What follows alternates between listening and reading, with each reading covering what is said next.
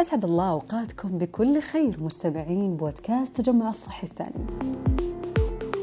الرعاية المنزلية من الخدمات اللي تقدم في المنزل لمن تستدعي حالة ذلك. كيف تتم؟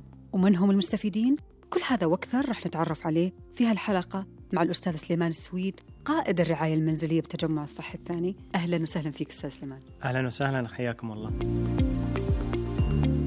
فهمت من مسمى الرعاية المنزلية أنها خدمة طبية تقدم للمريض في المنزل صحيح؟ بالضبط هي آه، خدمة الرعاية الصحية المنزلية هي خدمة تمكن المريض من تلقي العلاج في منزله بدلا من وجوده في المستشفى وذلك يتم بتوفير جميع الأجهزة والأدوية والمستلزمات الطبية ويتم بعد ذلك زيارات بشكل دوري من قبل فريق عالي الكفاءة لمتابعة حالة المريض في أثناء وجوده في المنزل. نوع الخدمات اللي تقدمونها عبارة عن إيش؟ آه، نوع الخدمات هي في الوقت الحالي الحمد لله مع تطور الرعاية الصحية المنزلية وتطور الأجهزة الموجودة كذلك التي آه، يتم الاستعانة بها. مجال متابعة المرضى بشكل كبير تعدى مجال متابعة المرضى المزمنة فقط. بل أنه الحمد لله في كثير من الأحيان كثير من الحالات التي يتم علاجها في البيت بنفس الكفاءة. على سبيل المثال ممكن أذكر أنه يتم تقديم الخدمات العلاج الوريدي وكذلك العناية آه، والوقاية بمرضى آه، قرح الفراش. في كذلك العناية التلطيفية والخدمات العلاج الطبيعي والوظيفي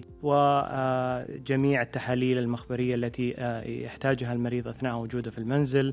كذلك تقديم الدعم النفسي والاجتماعي للمريض أثناء إقامته في المنزل. جميل أنت ذكرت أنه ما تقل كفاءة عن اللي بالمستشفى لأنه في تساؤل شائع دائما أنه إذا انتقلت الرعاية للمنزل ممكن أنا أفقد بعض آه، الجودة من نفس اللي كان يقدم في المستشفى صحيح هذا تساؤل شائع بين الناس إنه مجرد انه خروج المريض للبيت معناته إنه راح يعني يمتنع عن تقديم الخدمة بل بالعكس الحمد لله يعني مع تطور الأجهزة وتطور الفرق الطبية التي تقدم الخدمة يتم الحمد لله تقديم خدمة مماثلة لوجود المريض أثناء وجوده في المستشفى. بل أنه حتى المريض إذا احتاج يعني حالته آه، أنه يرجع للمستشفى يتم التواصل ما بين الفريق الطبي في الرعاية المنزلية مع الفريق الطبي كذلك الموجود في الطوارئ. ويتم التنسيق لعودة المريض عند احتياجه. هو للأسف أنه كثير يعتقد أنه مجرد خروج المريض من المستشفى سيتم إيقاف الخدمة وهذا غير صحيح.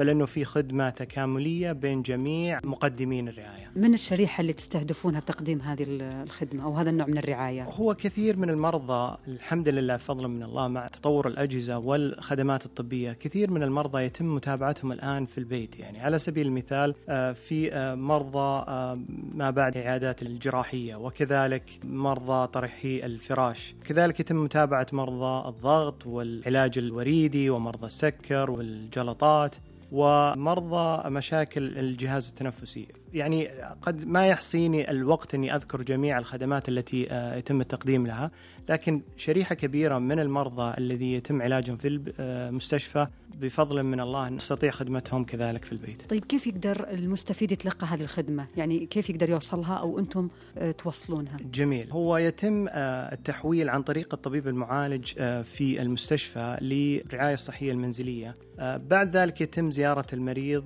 وعمل الفحوصات اللازمة للتاكد من حاجته للعلاج أو الرعاية المنزلية. في حالة احتياج المريض لأجهزة يتم إعطاء المريض الأجهزة وكذلك تدريبهم والتأكد من كفاءة استخدامهم لجميع الأجهزة والخدمات المقدمة كذلك في البيت. جميل. في الختام أستاذ سليمان وش أثرها الإيجابي؟ الأثر الإيجابي أنا أستطيع أن أقسمه إلى أكثر من شق. المستفيد الأول هو المريض وعائلته وهذا يتم الاستفادة من الناحية النفسية لأنه يعني في كثير من الأمراض وكثير يعني لا يتم استطاعة أنه إضافة شيء جديد في المستشفى فيتم الإحالة إلى الرعاية الصحية المنزلية. وهذا يؤثر بشكل إيجابي للمريض نفسه بحكم قربه ووجوده بين عائلته.